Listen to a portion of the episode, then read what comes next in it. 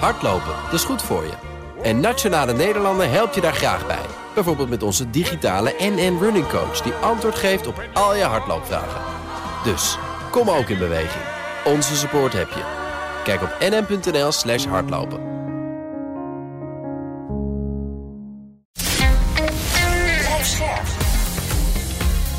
BNR Nieuwsradio.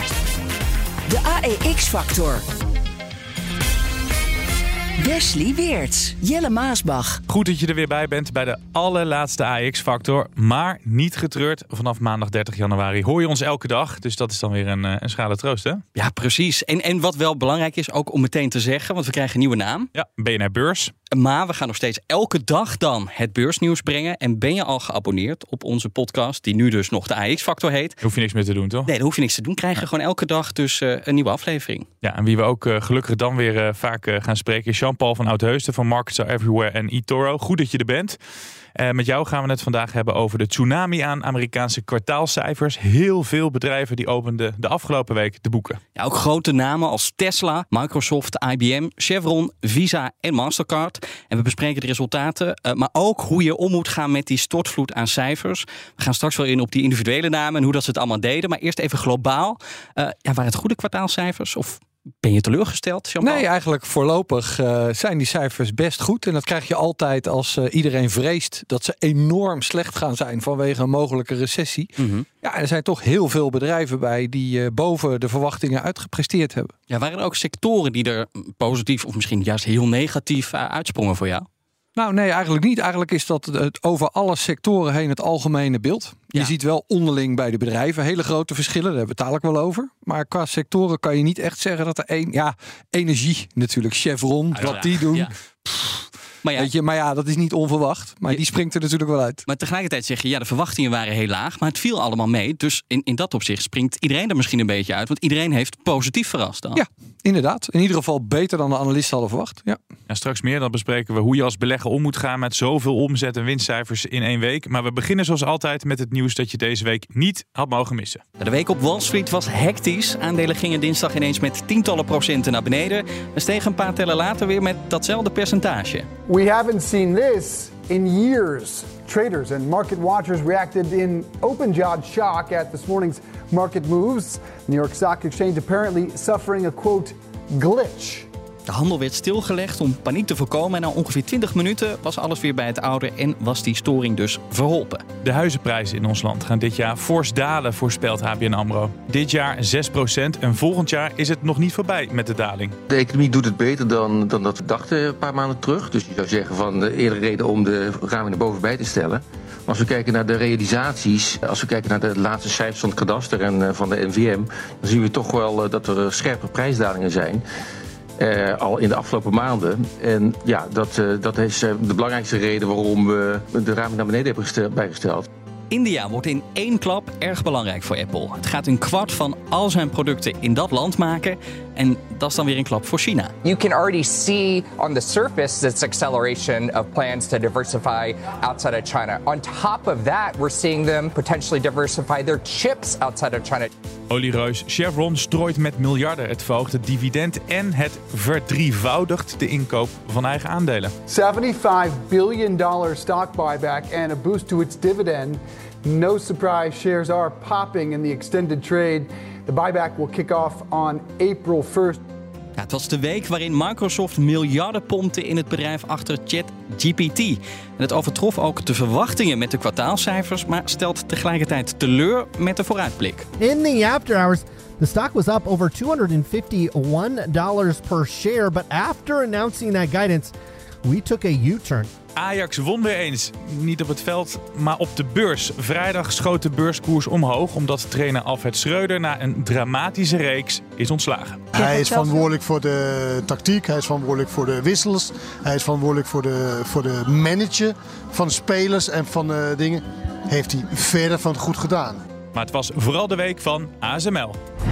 Het bedrijf kwam met de kwartaalcijfers. De omzet steeg vorig jaar opnieuw en zal ook dit jaar doorstijgen, voorspelt het bedrijf met 25% maar liefst. Recessiedreiging of niet, de chipmachinemaker zegt gewoon door te verkopen. We hadden het net over positief. Nou, dit klonk ook wel positief, Jean-Paul. Toch dook de koers na het bekendmaken van die cijfers. Ehm, ja, jij kan niet in de hoofden kijken van, van die beleggers. Maar wat denk jij, waarom ging het naar beneden? Nou, hij ging even naar beneden en daarna eh, ging hij aan het einde van de dag ook wel weer, weer omhoog. omhoog. Ja, ja cijfer, kwartaalcijfers bij ASML eh, ja, die zijn een beetje saai. Want ja, het, het is eigenlijk allemaal min of meer al wel bekend. Ze hebben natuurlijk op 11 november die Investor Day gehad. Mhm. Daar heeft eh, bestuursvoorzitter Peter Wenning het hele verhaal al uit de boeken gedaan, eh, uit de doeken gedaan, samen met zijn collega's. Ja. Ja, eh, 300 miljard dollar wereldwijd beschikbaar om nieuwe fabrieken te bouwen.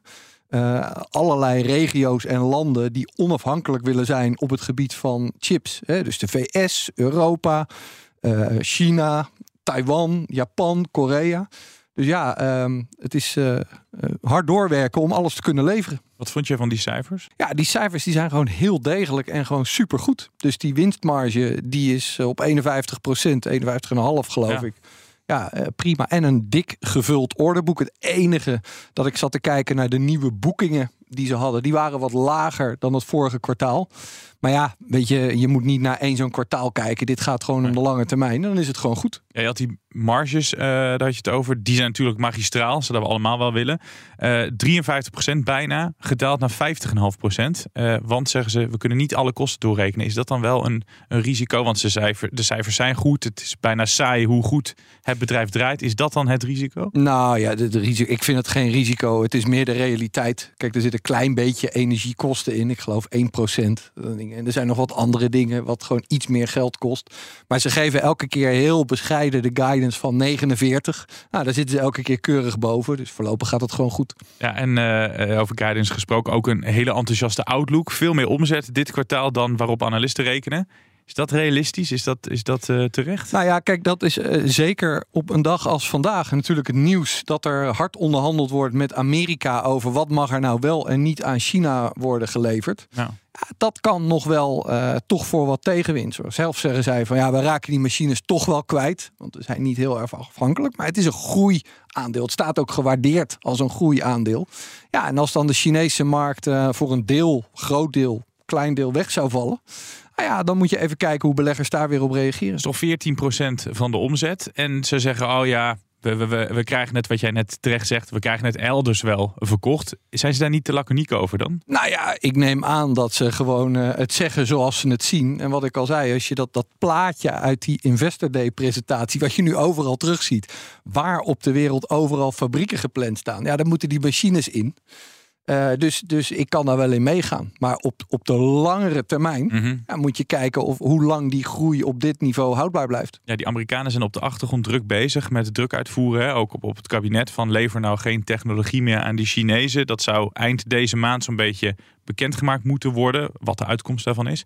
Wat denk jij? Gaan die Amerikanen dan aan het langste eind trekken en dwingen ze ASML om die technologie niet meer te verschepen? Dat is echt. eh, Amerika is over het algemeen vrij overtuigend. Wij luisteren altijd wel, hè? Eh, Die, dus eh, ja, de, de, god, ik word altijd zoveel dingen bijgehaald. Maar we zitten daar natuurlijk niet aan tafel. Ik denk dat we daar echt gewoon maar even moeten afwachten als de resultaten bekend worden. Ja, eh, collega Bas van Werven die sprak met de topman Wenning. En ehm, hij stelde een voorstel nou dat dit allemaal doorgaat. Die Amerikanen willen het zo graag. Ja, komt er dan een, een soort van compensatie? En Wenning zei het volgende. Ik neem aan dat ze dat, dat, Mhm. dat eh, op, eh, op eh, dus regeringsniveau dus wordt overwegen, dus wordt overwogen, mocht dat al het geval zijn. Mocht het al het geval zijn, zou zoiets in de praktijk eh, kunnen? Dat de Amerikanen even een paar miljard eh, overmaken naar Veldhoven. Nou, niet zo rechtstreeks. Ik, kijk, ik ben bang hoe dat werkt. Dan gaat het natuurlijk tussen het ene land en het andere land. Dat er andere gunsten zijn. Maar als belegger is dat een beetje vervelend. Dat zie je niet per se bij ASML terug. Ze kunnen in Nederland natuurlijk ook iets anders toeschuiven. Dat moeten we even kijken hoe dat gaat lopen, zeg maar. Een ander ordertje voor iets. eh, Ja. Nou, ik kan me ook nog wel voorstellen, want China, het is, wat is het, 15% van de omzet? 14% komt daar vandaan. Het zijn natuurlijk niet allemaal Chinese bedrijven waar ook aangeleverd wordt. Er zitten ook Amerikaanse bedrijven, eh, of Amerikaanse bedrijven bijvoorbeeld, die eh, dan in China zitten, waar ook die machines naartoe gaan. Dus het betekent niet per se dat ook 14% van die omzet wegvalt, als ze niet naar China mogen eh, exporteren. Zeker niet. Maar eh, hoe je er ook naar moet kijken is dat als ASML die machines niet levert, er zijn natuurlijk eh, niet die EUV-machines, maar andere apparatuur. Mhm. Ja, daar concurreert ASML ook met Amerikaanse partijen. Dus het is wel weer even in de gaten houden of het allemaal wel eh, een gelijk speelveld is. Ja, laten we in ieder geval naar een Amerikaanse partij gaan. Want de kwartaalcijfers van Microsoft die kwamen naar buiten, vielen wat tegen. Maar spannender was een investering die het bedrijf deed. Het pompt namelijk miljarden in het bedrijf achter ChatGPT. Dat is die chatbot met kunstmatige intelligentie, waar je werkstukken uit kunt halen, waar je vragen aan kunt stellen en krijg je één antwoord. Dus niet meer 100.000 resultaten zoals bij Google. Uh, en dat is een toepassing waar Microsoft heel erg in gelooft. Um, Jean-Paul, jij ook? Wat vind je van die investering die Microsoft doet?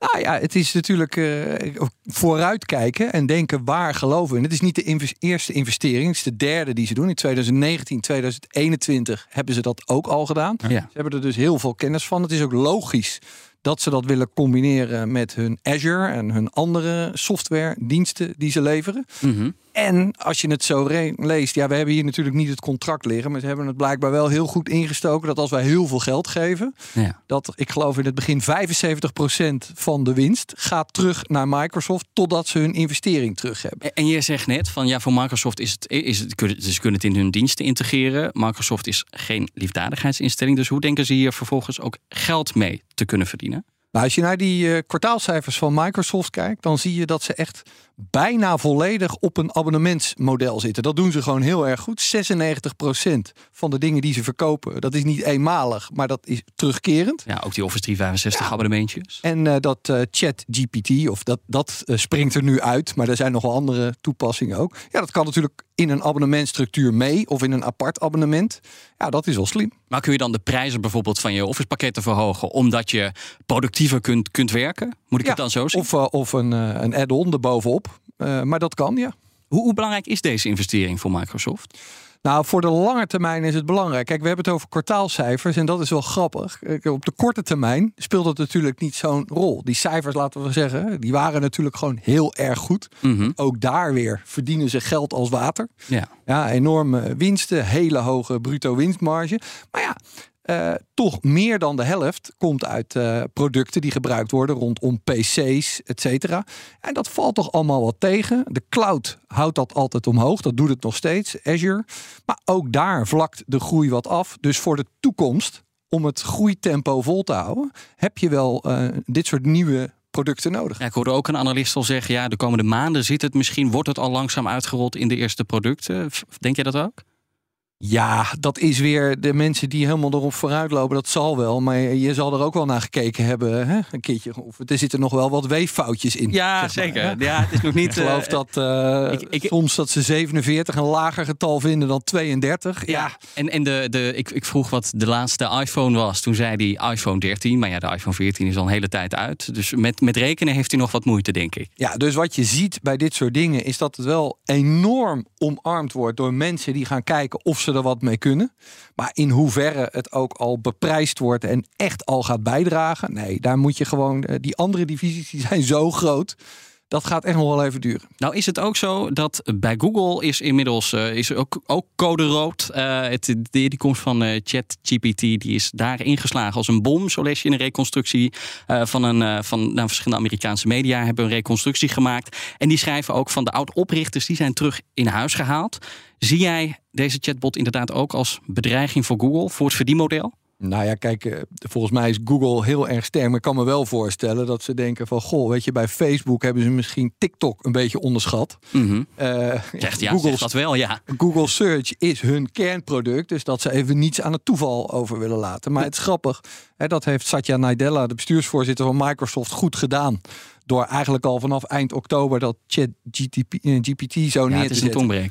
Maar uh, Google heeft natuurlijk zelf DeepMind. Ja, mm -hmm. dat is natuurlijk even wachten waar die mee komen en hoe dat zich verhoudt. Daar hebben we natuurlijk op dit moment nog weinig kijk op. Nee, je zag ook wat, wat uh, mensen die in ieder geval het enthousiasme proberen te temperen. Van ja, zo innovatief is het ook uh, allemaal niet. Feit is wel dat bijvoorbeeld een uh, ja, aandeel als Nvidia in ieder geval wel redelijk in de lift zit. Meer dan 30% gestegen sinds begin dit jaar.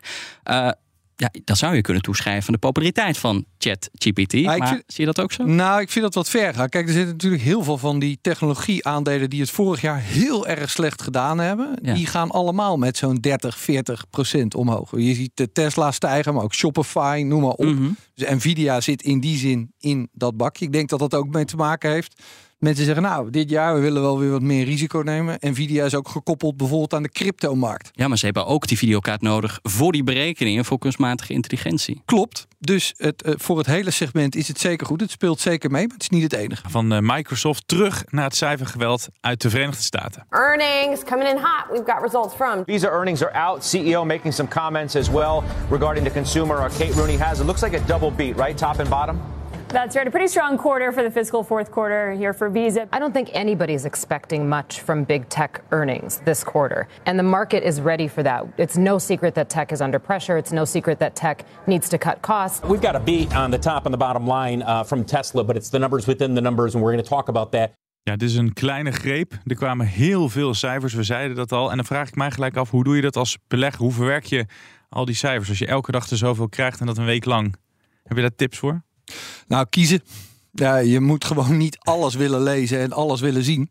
Dus ik werk zelf uh, ook met een watchlist van aandelen. Dat ik zeg, nou, deze die wil ik volgen. Ja. ja. en dan andere dus niet. En dan wordt het een beetje overzichtelijk. Dus gewoon de duidelijke keuze maken en soms gewoon wat laten liggen. Dat je daar niet. Uh, Precies, want dat kan later ook. Niet altijd alles hoef je meteen te lezen. Hè, als je lange termijn belegger bent. Nee, dus misschien wel later dan? Dat je ze, dat je ze nu even laat liggen. En dat je ja, en soms is dat ook wel lekker hè, om eerst iemand anders wat te laten vinden. Voordat je meteen zelf wat vindt. Ja. En dan te denken van, oh, daar is veel reuring. En dan ga je daar eens naar kijken. Maar heel vaak krijg je als belegger op de beurs nog wel een tweede kans. Ja. Hoe, hoe, hoe maak je dat lijstje dan?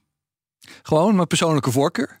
Wat ik leuk vind. Oh, dat is, ja, maar dat, nee, dat is toch niet alles? Het is toch niet alleen wat je leuk vindt? Je kijkt er ook naar de aandelen die uh, misschien het spannend zijn uh, om de, de cijfers... Nou ja, je ziet op dit moment wel de... Kijk, het, het, zijn natuurlijk de sectoren waar je denkt... hier gaat wat gebeuren. Ja, ja. Daar let je meer op. Dus het is de hele trend van digitalisering. Tech kijk je natuurlijk sowieso naar. Ja.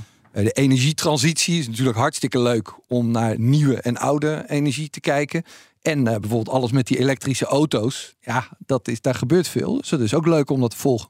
Ja, Tesla, daar gaan we het zo meteen uh, over hebben. Maar stel, een bedrijf stelt gigantisch teleur. Nou, die zaten er nog niet echt tussen. Maar wat doe je dan vervolgens? Als ze zo teleurstellen? Of schrijf je dat op het lijstje erbij en dan... Uh...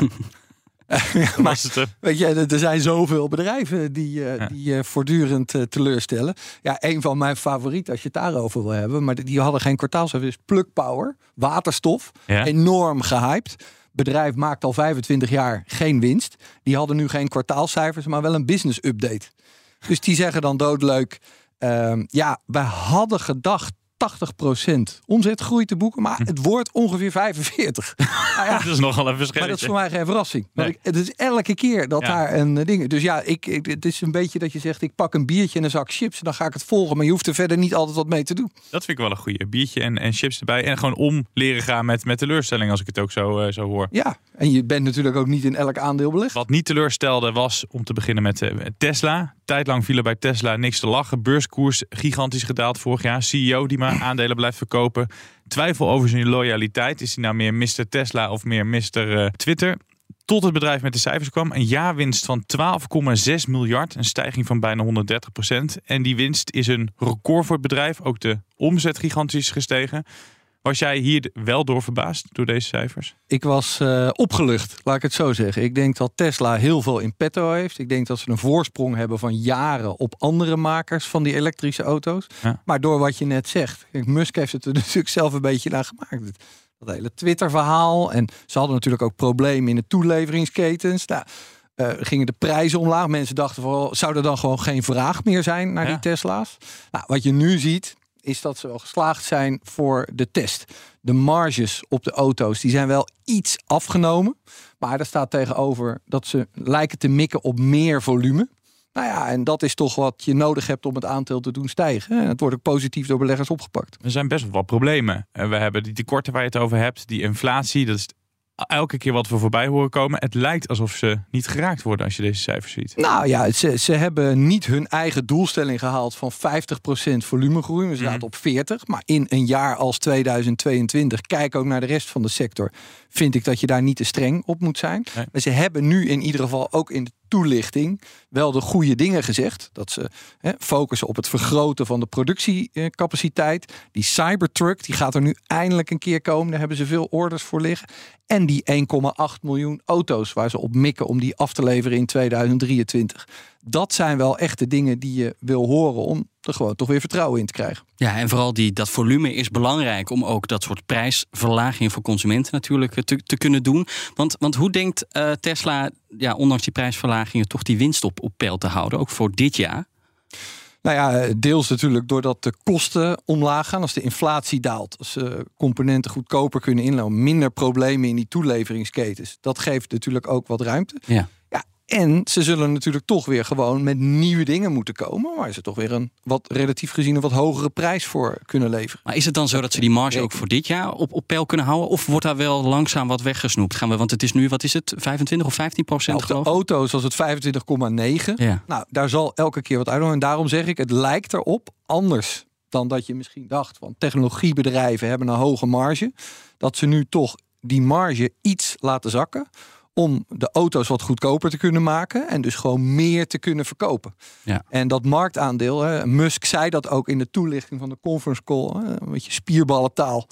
Van uh, wij hebben nog 20 miljard dollar op de bank staan en dat heeft niet elke concurrent. Ja, dat is natuurlijk gewoon een enorm voordeel van Tesla. Uh, dus ze kunnen ook wel wat zakken met die prijzen en die marges op korte termijn. En dan zullen we toch misschien zien. Nou ja, we hadden hier in Nederland andere categorie natuurlijk. Uh, Lightyear die afhaken. Ja, dat maar dat zal je in de autosector uh, uh, ook nog wel gaan zien. Dat heeft Musk trouwens ook altijd al geroepen. Ja, ja, ja, afhaken of juist veel meer concurrentie. Want ook die, natuurlijk die traditionele automerken... die snoepen ook steeds meer van die taart af. Dat marktaandeel dat ooit gigantisch... en nog steeds wel gigantisch is op die elektrische markt... dat dat wel langzaam af gaat nemen als ja, Volkswagen dat, meedoet. Dat wordt nou net de... de dat, dat gaan we zien. Kijk, die traditionele automakers... hun kosten, hun vaste kosten... zijn over het algemeen voor 90% gerelateerd aan die traditionele auto's. Ja. En we zitten toch in een beweging waar overheden hebben gezegd: op een gegeven moment moet alles naar elektrisch.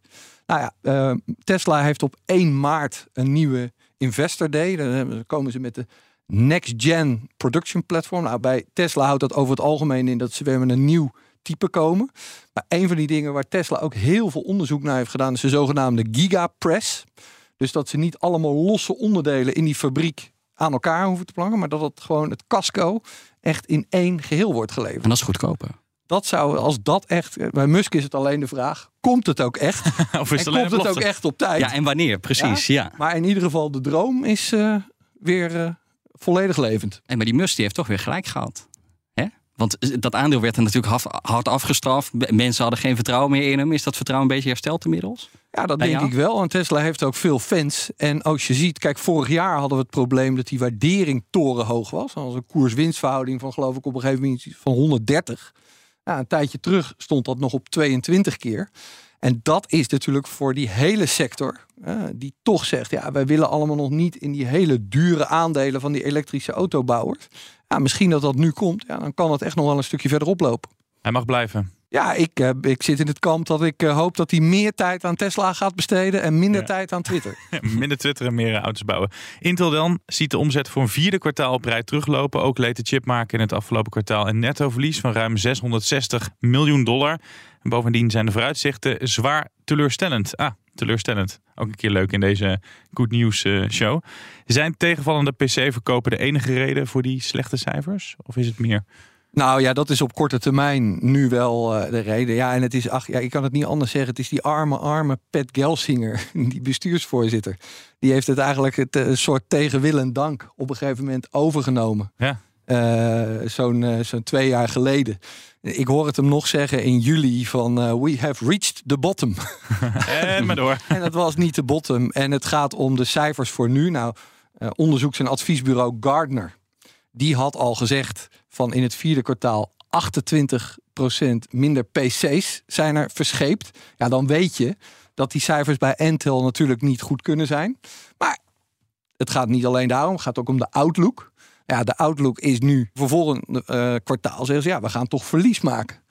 Ja, en dat komt inderdaad gewoon uh, door minder levering. Misschien toch ook voor een deel slecht voorraadbeheer. Er zijn gewoon heel veel mensen die in de coronaperiode misschien wat meer in hardware hebben geïnvesteerd. En, ja, en ook te afhankelijk geworden van, van die PC's. Je zou kunnen zeggen, misschien moeten we iets anders. Uh, nou ja, kijk, wat, wat, wat, wat die Gelsinger op zijn schouders heeft genomen. Als je diezelfde plaat neemt waar we het net over hadden bij ASML, daar staat hij op ingetekend met allemaal nieuwe fabrieken in Amerika, in Europa. Die moet hij allemaal in de komende jaren gaan opleveren. Dat doen we wel zo makkelijk van het staat er. Dus we bouwen het even. Maar hallo, dat moet allemaal wel goed werken op tijd. Ja, en ehm, daarnaast moet hij ook nog een inhaalslag maken met die kleinere nodes, zeg maar, waar die de markt verloren heeft aan TSMC. Ja. Ja, moet hij nu nog de 5 nanometer, 3, 2, staat allemaal op zijn kalender. Dus de kans dat dat niet gaat lukken, ja, die is best groot. Maar Jean-Paul, hij wil tot 2025 wil die 10 miljard dollar minder gaan uitgeven. Hoe kan je en minder uitgeven en dan investeren in nieuwe fabrieken? Nou, dat minder uitgeven, dat is aan de kant van de traditionele producten. Waar ze misschien toch een klein beetje hebben zitten te slapen. Dus dat werd vorig kwartaal goed ontvangen. Mhm. Zeiden, hè hè, eindelijk zien ze in dat als ze zo doorgaan, dat ze misschien het nieuwe Nokia zijn. Ja, dus we moeten wat nieuws gaan doen. Ja, dus dat is goed. Maar dat wil nog niet zeggen dat de klus om de, de IDM 2.0, zoals ze het noemen, al gerealiseerd is. Maar zijn ze niet al een beetje het Nokia van deze eeuw? Want eh, als je gewoon kijkt naar bijvoorbeeld TSMC, die hebben al een voorsprong. Die zitten ook niet stil de komende jaren. Dus die voorsprong wordt ja, of groter of, of niet veel kleiner. Nee, en in ieder geval is de concurrentie moordend. Dus ik ben geen koper van die aandelen. Nee, en, en ze hebben natuurlijk ook plannen, hè, want jullie zeiden net al, ze willen allerlei nieuwe fabrieken, hypermoderne fabrieken bouwen om een beetje eh, ja, meer in de buurt te komen van de concurrenten. Onder meer in Europa. Maar ja, als ze tegelijkertijd nu al lastig hebben, te weinig vraag hebben, komen die fabrieken er dan überhaupt wel? Ook een hele goede vraag. Maar Ja. dat is, eh, kijk, er is natuurlijk heel veel geld vrijgemaakt. Eh, zowel in Amerika als in Europa om die neer te zetten. Ik geloof in Amerika 52 miljard dollar, in eh, Europa 46. Dus eh, geld om ze neer te zetten is er wel. Maar Mhm. ja, er komen ook nog andere dingen bij kijken. Dus misschien een deel, misschien alles. Misschien duurt het langer. We gaan het zien. Ik wil nog één dingetje aansnijden. Het gaat over dividend. Want dat verbaast mij. Dividend handhaven ze gewoon. Terwijl ze een superlastige positie hebben. En dan denk ik, ja, het is een beetje dommig. Want je kunt beter dat dividend in je bedrijf stoppen misschien. Hoe, hoe kijk jij daarna? Ja, ik kan het niet meer dan met je eens zijn. Dus 5% dividend. Maar ja, als je nou ziet dat de verwachting is voor het volgend kwartaal dat ze verlies gaan draaien. Dan moet je als belegger in ieder geval er ook niet op eh, rekenen dat dat tot in lengte van dagen zo hoog blijft. Nee. Visa dan. Dat ze versloeg de verwachtingen. Meer omzet, meer winst. Dat is eh, ook gelijk volgens mij het meest spectaculaire wat we erover kunnen melden. Was jij enthousiast over die cijfers? Of is het gewoon een...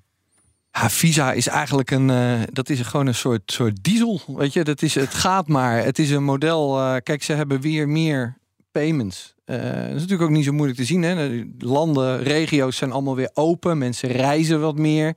Geven dan onderweg ook weer wat meer geld uit. Dat is best wel een logisch verhaal. Maar het is natuurlijk een enorm efficiënt gerund bedrijf. Er werken maar iets van 20.000 mensen. Ze maken 4,6 miljard eh, winst in een kwartaal. Dat is net zoveel als Tesla. Maar ja, die hebben vijf keer zoveel Ja. werknemers. Dus eh ja, platformbusiness ehm, in een oligopolistische markt. Dus ze hebben wel Mastercard en dingen. Maar ze hebben een groot genoeg marktaandeel. Dus dat is een eh, steady performer. En wat zegt dat over de Amerikaanse economie? Want dat ze, die Amerikanen heb ik het dan over, meer op hun creditcard gooien. Is dat nu goed of slecht nieuws? Nou, voor Visa is dat goed nieuws. maar voor die En Amerikaanse economie? eh, op zich zijn die, zijn die schulden bij die consumenten, die waren wel flink afgenomen. Ja. Dus eh, ietsje meer, ah, daar kan je moeilijk over gaan doen, maar dat is niet meteen eh, heel zorgwekkend. Maar uiteindelijk moet je daar natuurlijk wel een beetje op gaan letten. Maar op dit moment zie ik dat niet als een probleem. Want profiteren zij daarvan onderaan de streep? Als, als steeds meer mensen zich in de schulden steken? Maar als meer mensen natuurlijk eh, bij hun komen lenen, eh, dan is dat natuurlijk in hun voordeel. En ook de rente die oploopt, dat geeft toch weer iets meer ruimte op die marges. Dat zie je ook bij de Nederlandse banken terug, maar dat zie je natuurlijk ook bij een Visa terug. Ja, het is nu een voordeel totdat mensen niet meer kunnen betalen. Want dan kun je wel hele hoge rente hebben eh, en er veel geld aan verdienen. Maar ja, dat zijn waarschijnlijk ook mensen die dus moeilijk rondkomen. Misschien hun boodschappen niet betalen. Kan dat nog een serieus probleem worden de komende maanden? Ja, want eh, dus eh, omdat die energierekeningen zo hoog zijn, en dat soms mensen verwachten dat die energieprijzen toch nog weer gaan stijgen in de loop van het jaar, daar staat tegenover dat die banenmarkt bijvoorbeeld in Amerika gewoon heel erg sterk is. Dus er niet heel veel mensen op dit moment heel erg bang zijn dat ze hun baan kwijtraken. Of dat ze niet snel wat anders vinden.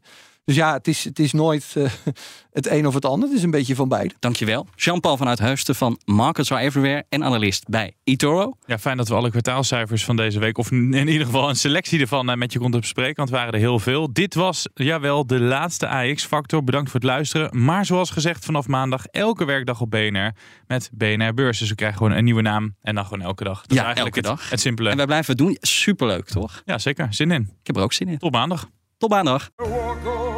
Hardlopen, dat is goed voor je. En Nationale Nederlanden helpt je daar graag bij. Bijvoorbeeld met onze digitale NN Running Coach... die antwoord geeft op al je hardloopvragen. Dus, kom ook in beweging. Onze support heb je. Kijk op nn.nl slash hardlopen.